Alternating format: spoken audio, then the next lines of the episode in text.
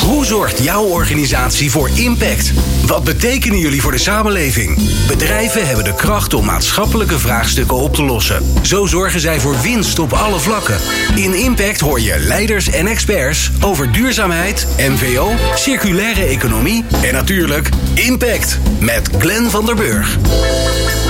Waar je ook bent, overal zie je de gouden bogen, de golden arches van het logo van McDonald's. Helaas geldt dat ook voor de verpakkingen van het merk, die van alle multinationals het meest op straat of in de natuur gevonden worden.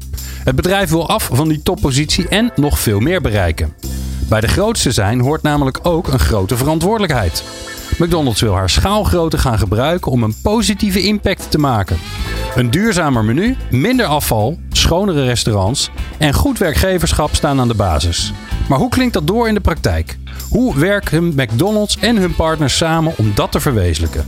En wat kun je nog meer verwachten? In deze aflevering vraag ik het aan Jérôme de la Chambre, manager sustainability bij McDonald's, en Michiel Degen, managing director bij Havi Nederland. Dank voor het luisteren naar Impact.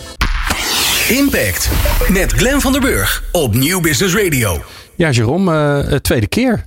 Tweede keer, ja. Die kans heb je eigenlijk alleen maar als je een andere baan gaat doen in, de, in onze reeks met duurzaamheidsmanagers. Ja, nou ja, dat is het uh, geval. Ja, de estafette kwam weer bij jou terecht. En ik werd vooraf nog wel gevraagd, is dat dan goed? Want hij is al een keer geweest. Nou, het lijkt me alleen maar, ik vind dat altijd, dat zorgt weer voor innovatie in die hele reeks. Dus ik vind het alleen maar helemaal leuk. Ja. Uh, normaal beginnen we dan bij jou en waar je vandaan komt en hoe je dan in duurzaamheid terechtkomt. Maar ja, als je dat heel graag wil weten, dan moet je de eerdere aflevering met Jerome luisteren toen hij nog bij Landal zat. Ja, klopt. Ondertussen bij McDonald's.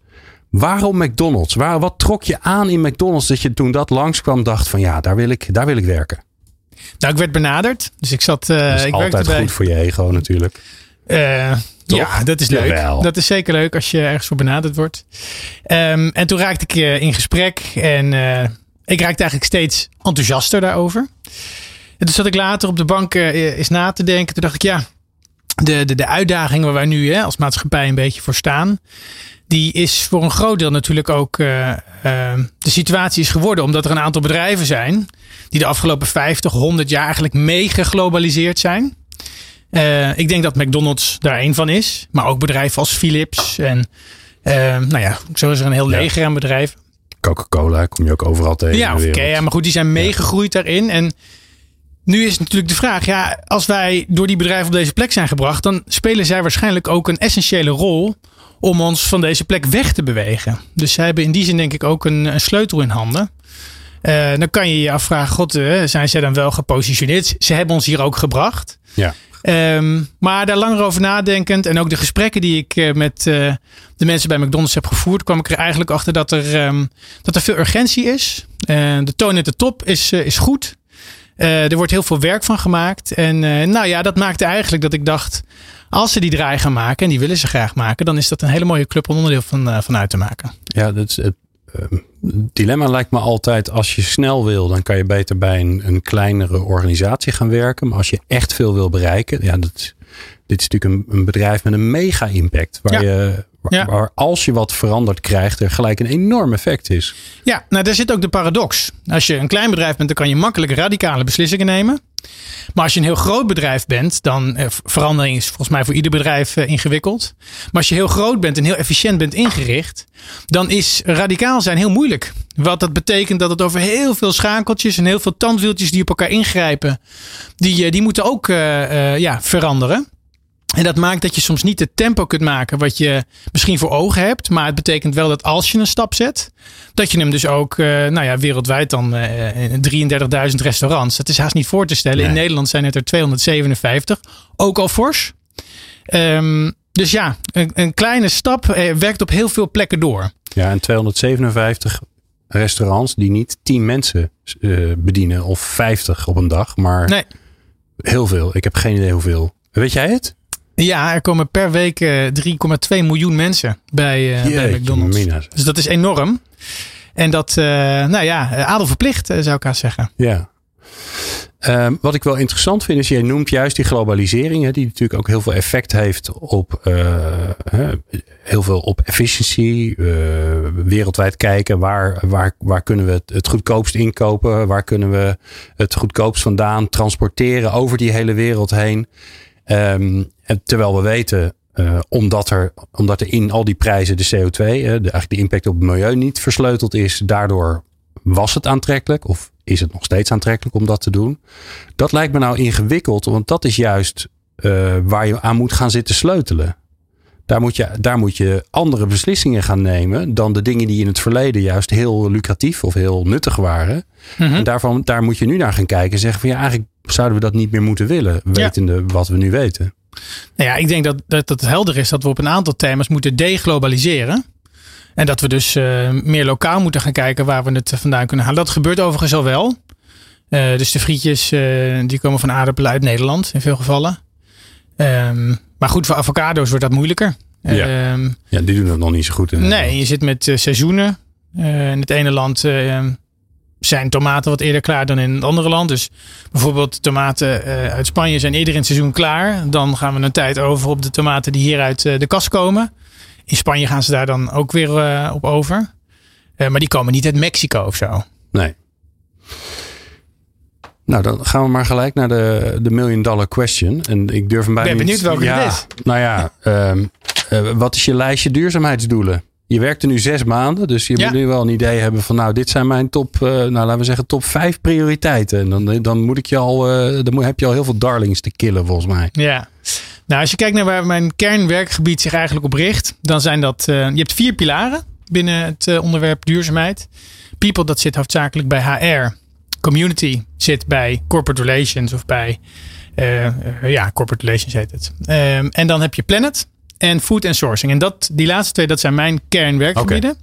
En binnen planet zit logistiek, afvalmanagement en de restaurant- en energievoorziening. En binnen het onderwerp food and sourcing zit animal welfare, nutrition en de proteïnetransitie. En dat zijn dus eigenlijk de zes onderwerpen waar ik mij uh, ja, dagelijks op, op richt. En daar, eigenlijk op al die thema's, is er een harde noot te kraken. Ja. En dat doen we samen met partners, zoals ook Michiel die hier in de studio is. Ja, gaan we en zo met, met andere collega's. Ja. Um, dus ja, dat is ongeveer wat er, de thematiek die er, uh, die er staat. Het grappige is dat het natuurlijk ook een weerspiegeling is van wat er in de maatschappij gebeurt. Hè? Want die hele pro proteïnetransitie, die zie je natuurlijk ook gewoon als je naar uh, de lokale Albert Heijn of naar de lokale Lidl gaat. Ja. Daar zie je ook ineens dingen in het schap liggen die vijf jaar geleden, nou dan moest je nog waren ze obscuur ergens weggestopt. En dan lagen er drie pakjes uh, tofu. Maar ja. ondertussen, uh, en ik overdrijf natuurlijk. Maar ondertussen zijn dat natuurlijk een hele lucratieve business ook geworden. En is, is er ook veel vraag naar. Ja. Hoe, hoe zit dat bij jullie? Ja, want simpel, ik kom niet, niet zo vaak in de McDonald's. Ehm, mijn kinderen hebben niet meer de leeftijd dat ze heel hard gillen als we langs rijden. Mm -hmm. um, maar jullie zijn toch vooral bekend van de hamburgers. En die zijn niet van hem, maar die zijn wel van vlees. Ja, ja die zijn van 100% rundvlees. En uh, daar zijn we ook best wel trots op dat ze dat zijn. Maar het is natuurlijk wel helder dat we daar een, um, een stap op zetten. Dus we, we hebben de McVeggie Croquette. We hebben een homestyle platform. Daar zitten heel veel uh, vleesvervangers van kippenvlees met name in.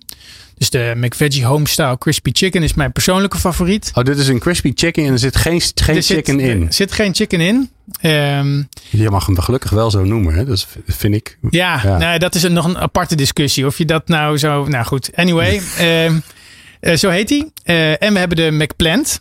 Uh, dus dat is een, een, een, ja, eigenlijk een hamburger patty, maar dan niet van vlees. Uh, ook niet van, van zuivel overigens. En die willen we gaan groeien. en daarnaast komen er nog een. en hoe doe je dat? Want dat lijkt me het interessante. Kijk, volgens mij kun je meebewegen met wat er gebeurt in de maatschappij. Dat Mhm. zijn jullie aan het doen. We, Ja. gaan, we gaan van deze aflevering horen hoe jullie dat doen en hoe ingewikkeld dat is.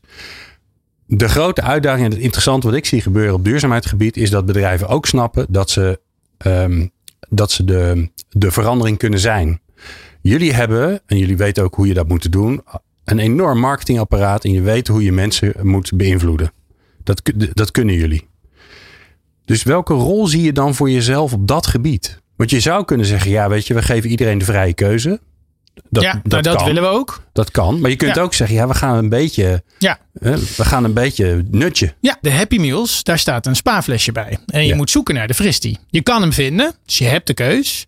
Maar de default, de standaard, is, Ja. Een, uh, is een flesje spa. Oké. En En je zou natuurlijk ook kunnen zeggen in plaats van menu bij die uh, McCrispy homestyle uh, chicken waar geen chicken in zit. Ja. Kun je natuurlijk ook daarbij zeggen in plaats van menu kun je zeggen wil je er, wil je er een salade bij? Ja.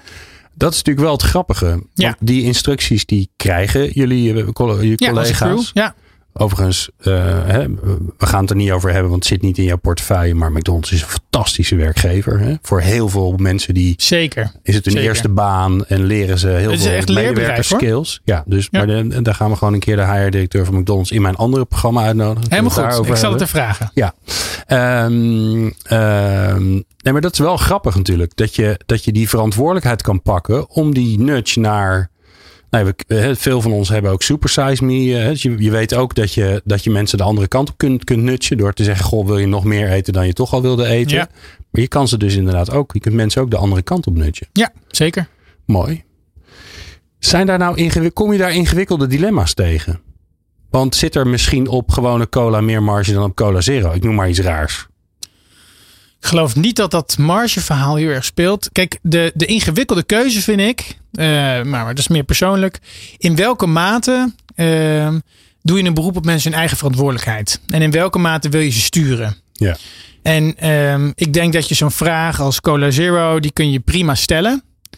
Maar op het moment dat je een soort eh, Pac-Man level moet uitspelen om bij een fristie te komen in een Happy Meal, dan vind ik eigenlijk dat je wel te ver bent gegaan.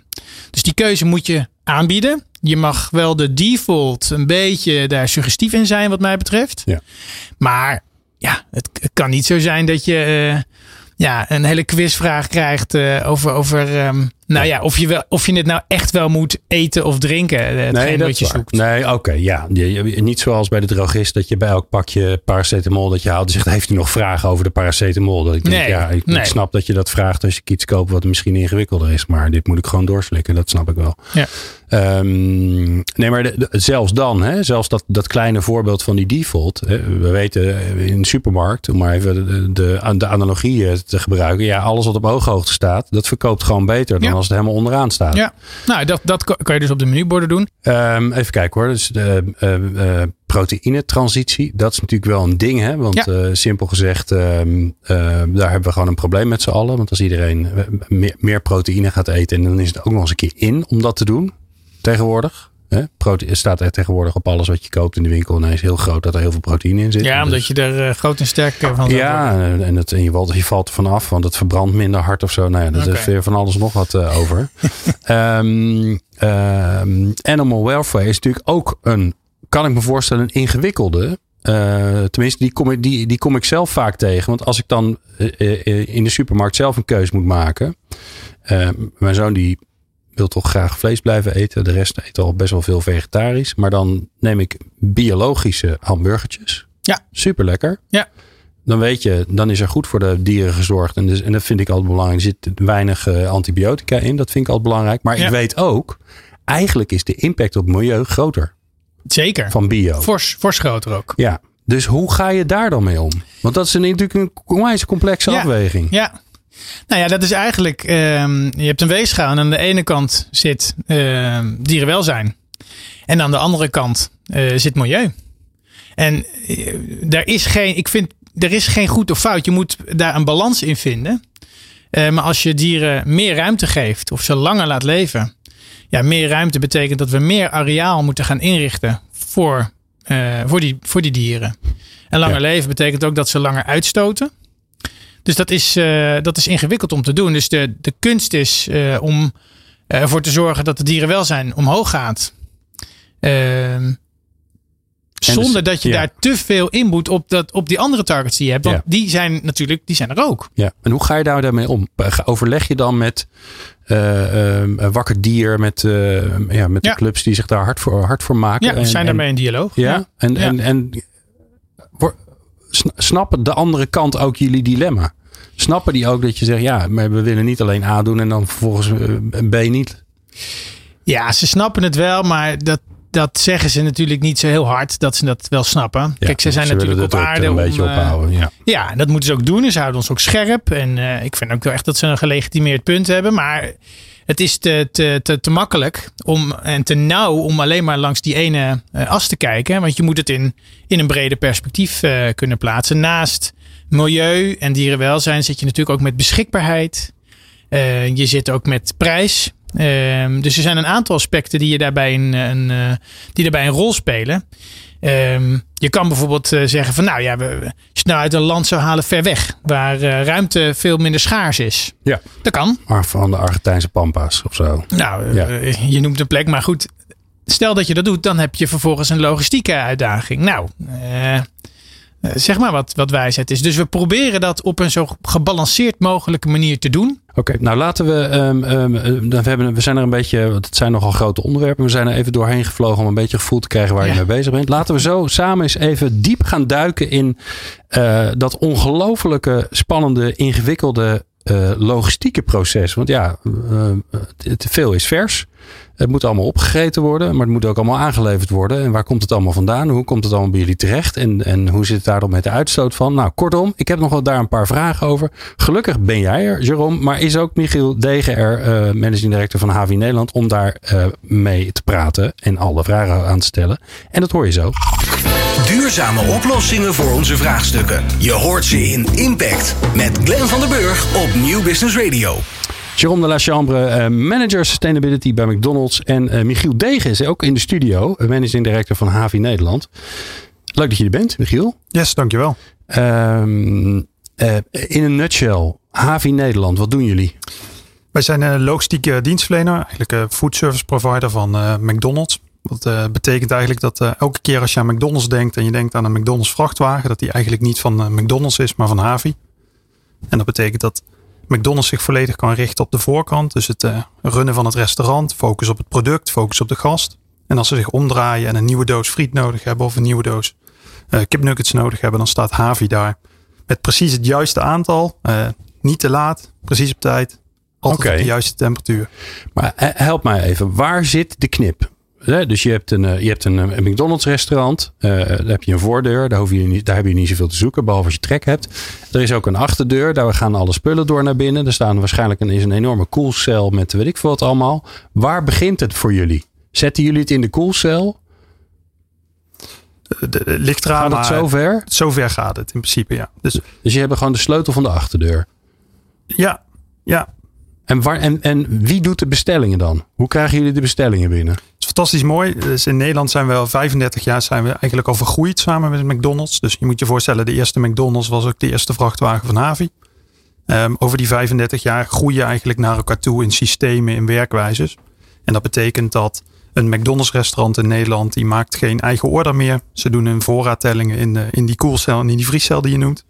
Um, ze voorspellen hoeveel omzet ze gaan draaien en dan maken wij een order. En dat betekent dat wij hem eigenlijk pushen. Uh, en dat wij bepalen wat een restaurant wanneer in de week krijgt om dit allemaal optimaal in te Dus je krijgt eigenlijk helemaal geen bestelling meer? Nee. Oké, okay. maar waar komt alles dan vandaan?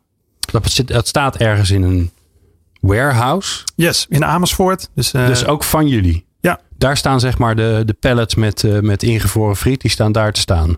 In uh, drie temperatuurzones. Dus je ziet een hele grote vrieshal, je ziet een koelhal en, en gewoon een, een, een drooghal waar de verpakkingen staan, de bekers, uh, de schoonmaakmiddelen. Ja. En bestellen jullie dan weer zelf bij de, uh, de, de leveranciers van de grondstoffen van, uh, van McDonald's? Dus jullie, als jullie zelf in je eigen warehouse zien van ja, jongens, meer friet nodig, dan komt, het, dan komt de frietleverancier bij jullie langs met meer friet. Yes, en daar begint de keten dus rond te raken. Wij doen de bestellingen uh, bij alle leveranciers. Die leveranciers krijgen we aangereikt van McDonald's, inclusief de zeg maar, afspraken die zij maken. En wij voeren die afspraken eigenlijk uit. Dus McDonald's maakt, heeft een relatie met de leverancier. Zij spreken dingen af over prijzen, volumes, ingrediënten, vetgehaltes, noem het maar op. En wij zijn uiteindelijk de uitvoerder van dit gehele systeem. Wat je ziet is dat we. Dan ben je gewoon, ja, je bent een soort van afdeling van McDonald's. Maar dan ben je, is het jullie eigen bedrijf. 35 jaar samen voelt als een huwelijk. En ja, daarmee ben je eigenlijk constant samen. Ja. Wauw. Ik, ik ben nog nooit tegengekomen. Zoiets. Maar dat kan aan mij liggen hoor. Zo nauw verbonden. Nee, er zijn echt heel weinig van dit soort voorbeelden. Dus als je in de supply chain techniek kijkt. Ik geef gastcolleges daarover. Dan zie je eigenlijk dat, dat, dat zelfs nog hoogleraren. Die zijn echt verbaasd. Die zeggen. Huh, kan dat? Ja. dachten dat dit alleen in de theorie gebeurde. Wat je ziet is in Nederland dat ook een Albert Heijn ongeveer zo'n relatie heeft. Maar dan zie je dus dat ze vanuit hun eigen magazijn dit naar hun eh, winkels pushen. Eh, die zijn van hunzelf of van een franchise-nemer. Ja. Eh, bij ons gebeurt het eigenlijk aan twee kanten van een, van een bedrijfsnaam. Dus ja, wij zijn echt een apart bedrijf, Havi. Ja. Maar, Wit- jullie, maar. McDonald's heeft ook franchise-nemers. Dat klopt. En die krijgen dus ook gewoon voorraad aangeleverd door jullie. Die ze niet besteld hebben. Dan moet je wel heel erg veel vertrouwen hebben in je partner. Want eh, ja, een, een, hè, als het friet op is bij de McDonald's, dan staat het in de krant. Dat gebeurt natuurlijk nooit. Nee. Want jullie doen je werk goed, maar dat, daar moet je maar op kunnen vertrouwen. Ja. Hoe kan dat dan? Michiel.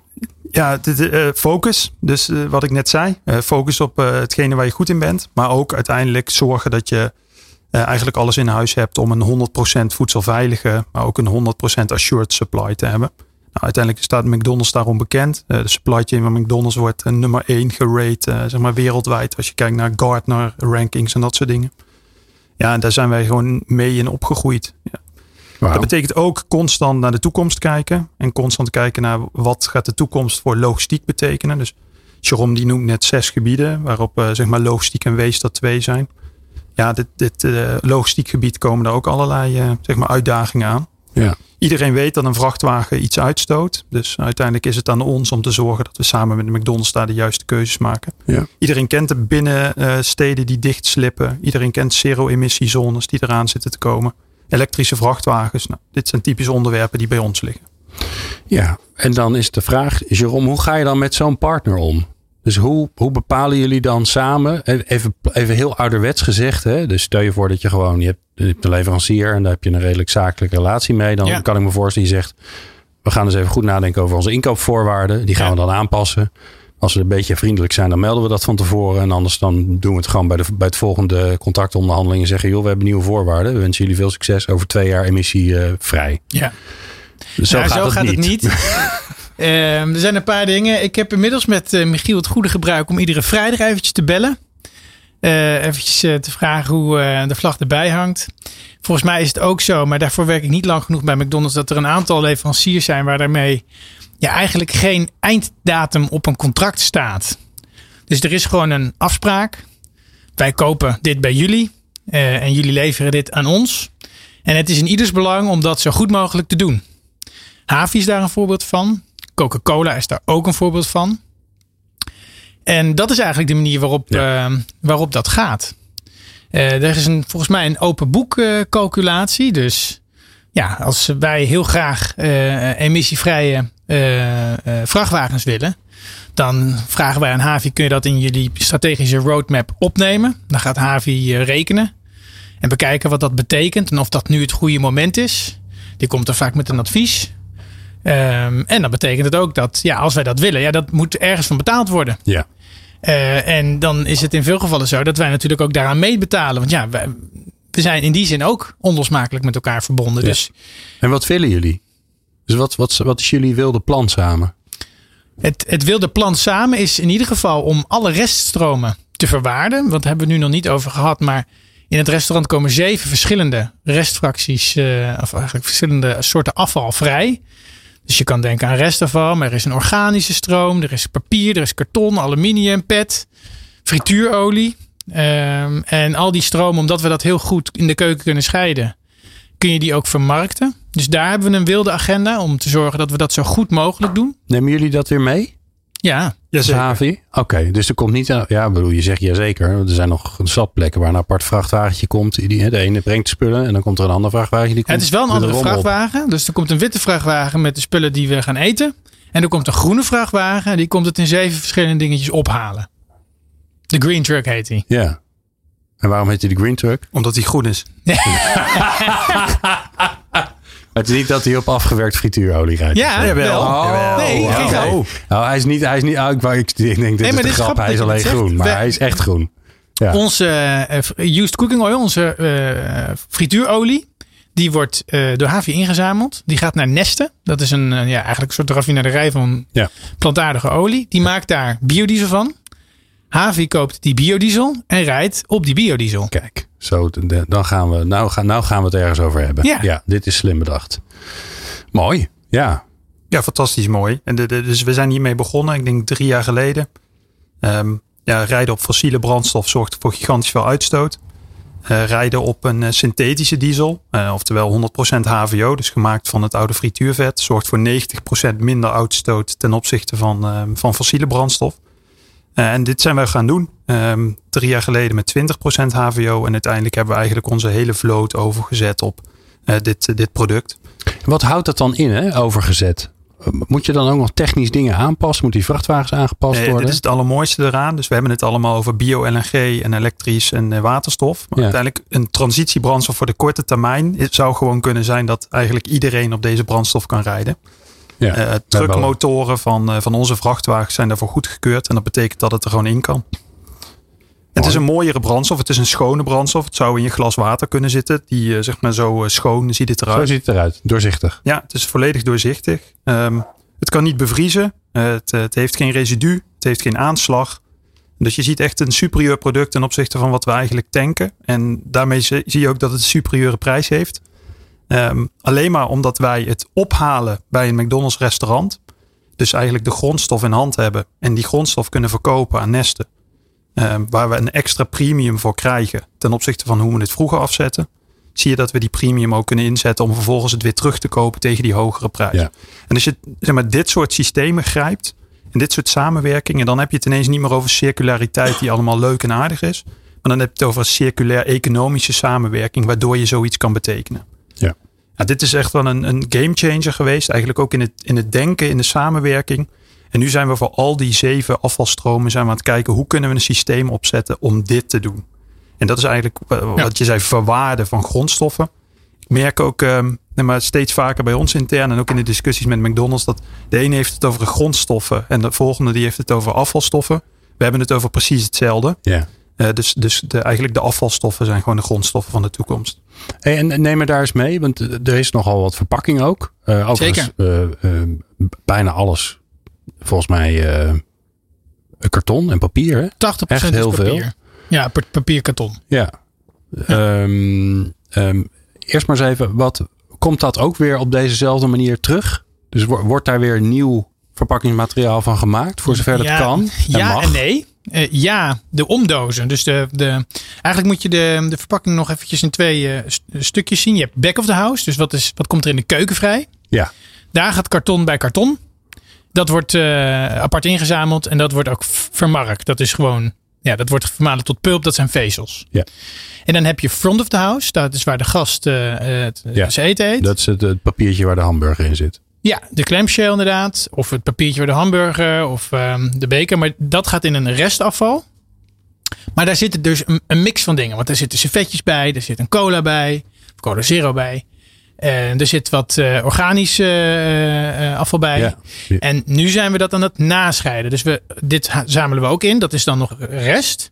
Dat gaat dan over een nascheidingslijn. En die schiet er eigenlijk... En ja, wie doet dat? Want doe je, doe je niet zelf. dat doen wij ik. niet zelf. Nee. Nee. Nee. wij doen dat met volgens mij een drietal partners. eh, als ik me niet vergis. Ja, dus eh, Havi organiseert het voor ze. ja. Oh, dat doen jullie ook nog? ja. Ja. Dus Dat is toch niet te geloven. Wat doen je? je, je We doen eigenlijk je zijn alleen maar een restaurant en een marketingmachine. eh, ja, Nou, iets meer dan alleen dat. maar. Ja. het grootste vastgoedbedrijf van Nederland. Ja. Maar goed, dat wordt nagescheiden. Eh, en dan sommige dingen zijn wat makkelijker te herkennen dan andere. Dus waar we nu tegenaan lopen is dat die servetjes, die, die zijn natuurlijk gemaakt om vette vingers af te nemen en om veel vocht op te nemen. En die beker, er zit soms nog wat ijs in. Als dat bij elkaar komt, dan, ja, dan zwelt ja. dat servetje op. Ja, dus eh, nu even moeten we zorgen dat dat vocht daaruit komt. Nou, hoe gaan we dat doen? Dat kan je misschien in de, in de pers doen. Dus je, je, je, omdat, dat is wel een probleem. Want als je dat afval dus... Je, je wil zo min mogelijk transportbeweging. Dus je hebt achter in het restaurant heb je een, een, een soort ja, pers staan. En die perst dit restafval samen. Oké. En dat betekent dat je veel minder transportbeweging hebt. Dat is goed. Ja. Gevolg van dat samenpersen is dat die dat ijs in die cola, die komt sowieso bij dat servetje Ja. terecht. Dus nu zijn we aan het kijken, ja, hoe kunnen we dat dan doen? Kunnen we daar een soort lekbak onder zetten dat het vocht er al uit is voordat het meegenomen wordt? Gaan we dit aan de gast vragen? Dat kan natuurlijk ook, hè, dat hij zijn beker eerst leegt en dan Ja. apart doet. Dan kan hij misschien die beker ook al wel apart in een, in een, eh, een aparte prullenbak doen. Want dan is die beker sowieso alweer eh, nou ja, gescheiden van de rest. Eh, dat moet alleen wel goed over nagedacht worden. Ja. Want het moet 257 keer in Nederland goed uitgevoerd worden. Dus Ja, en dan, heb je niet over en dan hebben jullie ook nog eens een keer, hè, want daar begonnen we een beetje de, de, de aflevering ook mee. En dan hebben jullie ook nog eens een keer mensen die eh, eh, dat wat jullie eh, gebakken en gekookt en eh, gemaakt hebben en verpakt hebben meenemen. Ja. En dan eh, eh, verdwijnen ze en dan eten ze het meestal redelijk snel op, volgens Ja. mij. ja, Maar in de buurt verdwijnt dan natuurlijk ook wel eens wat, omdat mensen zeker. eh, niet zo vriendelijk zijn geweest om het in de afvalbak te gooien. Ja, ja er zijn, er zijn Dus een hoe paar ga je dingen. daar dan mee om? Nou, we hebben per restaurant is er ongeveer één FTE die niets anders doet dan opruimen. Dus die probeert in een straal van tussen de 50 en 100 meter rondom het restaurant. Hangt er een beetje vanaf of daar toevallig ook een grote weg is. Waar je niet overheen kunt lopen. Maar ongeveer dat is een beetje de orde grootte. Die maakt dat schoon. eh, om te zorgen dat er zo min mogelijk van dat afval. Die is alleen maar bezig om de, zeg maar de, de Ja. straal van 100 meter om Ja. het restaurant schoon te Gemiddeld houden. 1 FTE per restaurant. Jeetje, nou, reken uit hoeveel FTE's dat heel, in heel Nederland is. En daarnaast zit Dat is een groot MKB-bedrijf. Eh, Ja, ja, zeker.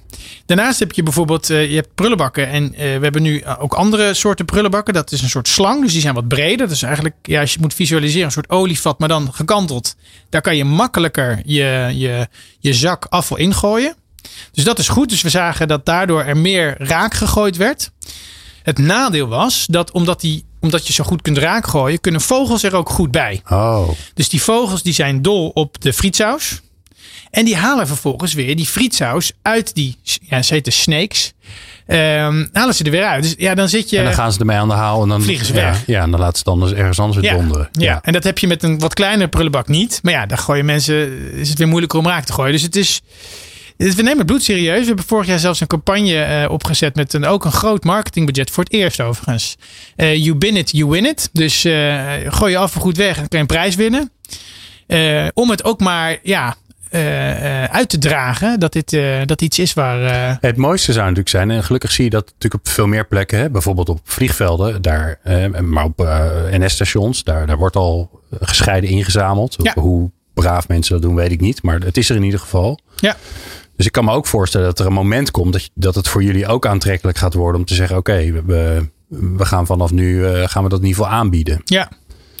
Nou, ze hebben dat in Amsterdam natuurlijk geprobeerd. Hè, om het in zoveel mogelijk verschillende fracties aan de burger eh, te vragen. En daar zijn ze op teruggekomen. Want die burger die houdt zich daar niet in alle gevallen aan. Eh, en dan heb je uiteindelijk alsnog een vervuilde stroom. Dus die Ja, doen nu ook nascheiding. Ja, ja. En wat we ook wel zien op de parkeerplaatsen... is dat er ook afval in zit wat helemaal niet van ons is. Schoenen, eh, tandenborstels, Nee, neem het. Ja. Ja. Wat doe je daarmee? Ja. Dus We nemen het nu natuurlijk in, maar ja, dat zit er ook bij. ja. Dus het is een, ja, het is een, een, eh, een, een puzzeltje om te leggen, maar wel een leuke puzzel.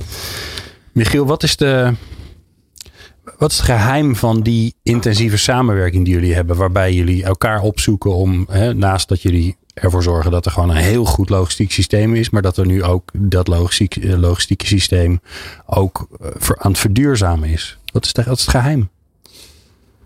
Ja, ik denk eh, over je eigen schaduw heen durven te stappen op korte termijn. En gewoon verder in de toekomst kijken. Op het moment dat je getrouwd bent, dan heb je geen einddatum. Dus eh, er is geen zeg maar, schrik om te investeren. Er is geen schrik om samen drie jaar vooruit te kijken. Ik heb niet een contract dat over twee jaar afloopt.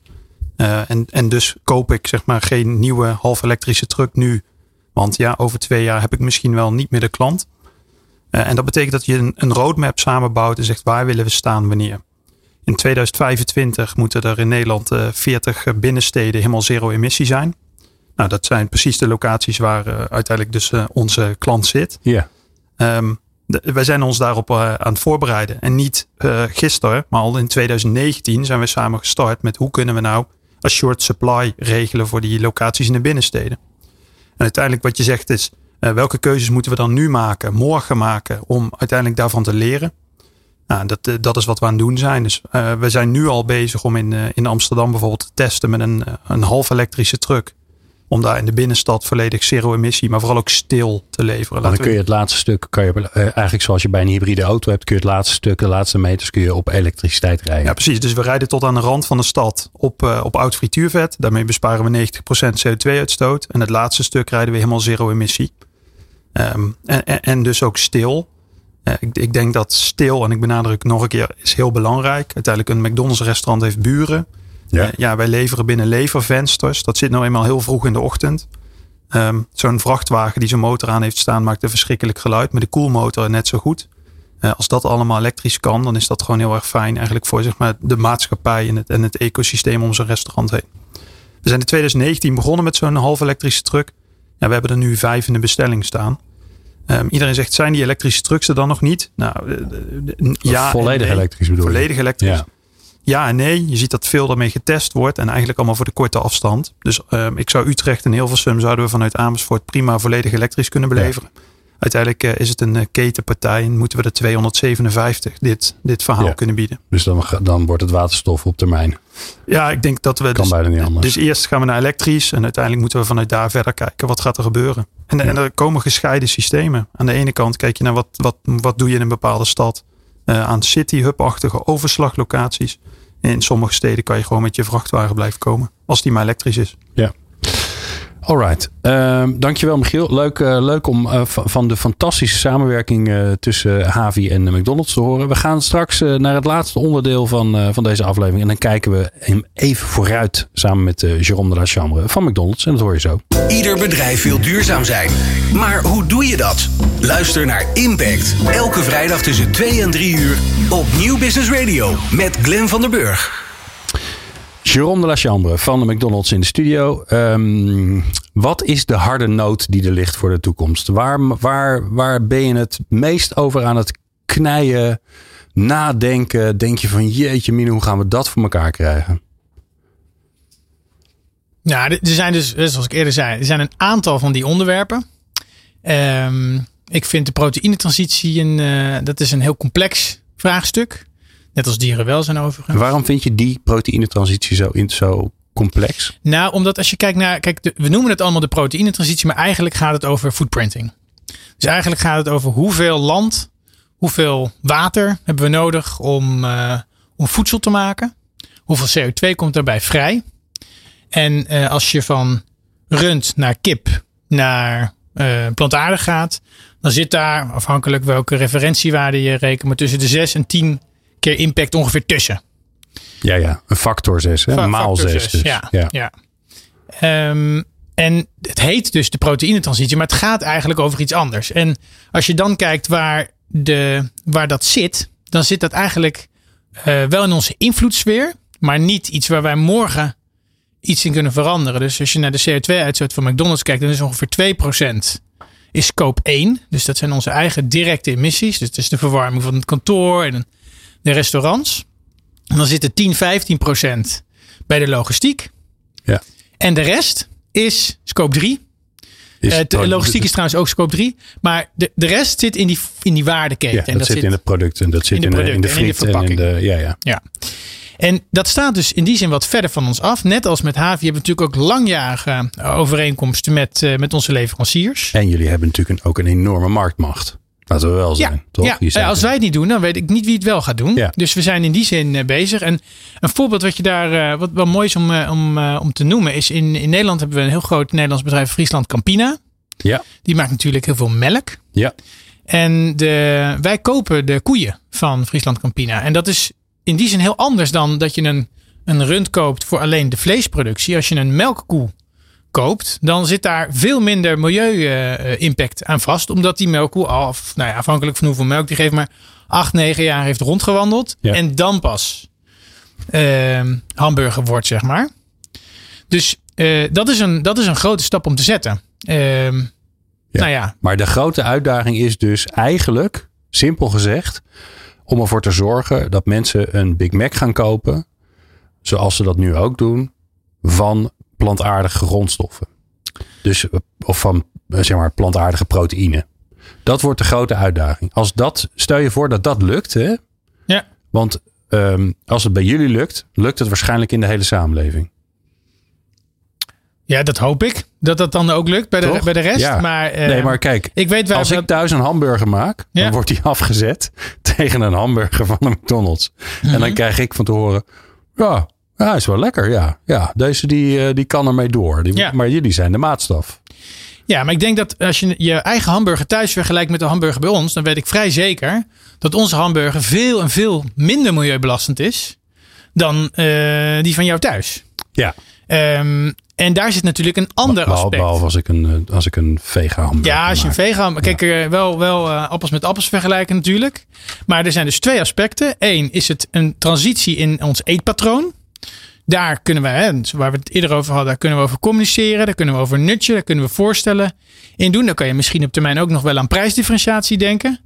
Maar een ander aspect daarvan is natuurlijk hoe, hoe eh, belastend is het om, het om het tot stand te laten komen. En daar zit natuurlijk ook een hele hoop Ja. ruimte voor verbetering. En een voorbeeld daarvan is dus die, eh die dubbeldoel. Ja. En Eh, eigenlijk hoor ik jou zeggen, we moeten allebei doen. We moeten zeker weten allebei Ja. doen. En wat ik zelf nog wel, een- en maar dat is iets minder materieel, maar dat vind ik zelf wel een aardig, eh, een aardig voorbeeld waar we ook mee bezig zijn. Ehm, bij ons eh, kopen mensen ook frietjes. En die frietjes die zijn, die zijn altijd eh, kraakvers. We houden niet van sl- slappe friet. En dat betekent ook dat wij friet weggooien. Dus we bakken die friet en die is dan een aantal minuten goed. Eh, en eh, daarna is hij op een gegeven moment wordt hij slap en dan doen we dat apart. En dat komt samen in de organische stroom van eh, ons restaurant. En in die organische stroom zitten naast frietjes, zitten daar ook hamburgers en kipnuggets en broodjes bij. En in heel Nederland heeft de overheid, om goede redenen overigens, gezegd: restaurantafval, daar moeten we voorzichtig mee zijn. Want daar zitten eh, dierlijke eh, eiwitten in. En als die terugkomen in de, in de dierenketen, dan krijg je allemaal kruisbesmettingen. En daar hebben we in de jaren negentig de, de, de BSE-affaire mee gehad. Dus daar zit heel veel wet en regelgeving op. Maar die frietjes, daar zit natuurlijk helemaal geen dier bij.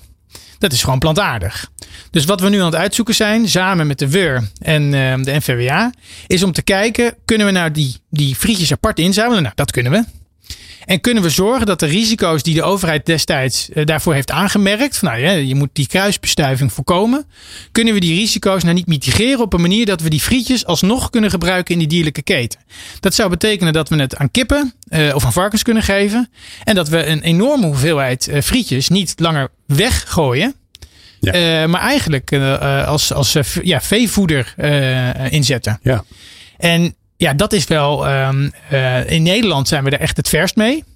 Eh, en ik hoop dat we daar dit jaar echt een, eh, nou ja, een mooie, mooie stap in zetten. Het past overigens ook in de coalitieverklaring. Het Oh, efficiënter kijk. inzetten van reststromen. Dus ik hoop daar ook wat ruimte te, te realiseren. Maar nee, ja, dit zijn wel de, de oplossingen waar je ook naar moet kijken, denk Mooi. ik. Ja, en het grappige is natuurlijk dat je eh, door zo naar dat proces te kijken en hoe alles werkt, kan ik me ook voorstellen dat je denkt, ja, maar als we nou zorgen dat die frieten, frietjes een minuut langer vers blij, kunnen blijven, Ja. hè, volgens onze kwaliteitsstandaarden door, Ja. weet ik veel, een coating of weet ik wat ze tegenwoordig allemaal kunnen doen, dan eh, scheelt dat ook weer. Ja, Weet je ook. gelijk hoeveel het scheelt. Ja, Dus data is eigenlijk ook heel belangrijk. Daar gaan we het niet over hebben, maar dat hoor ik ondertussen wel langskomen. Uh, Jerome, eh, het was bijzonder leuk dat je er voor de tweede keer was. Jij mag dus ook voor de tweede keer het stokje doorgeven. zeker. En aan wie ga je het doorgeven? Lotte van Grol van de NS.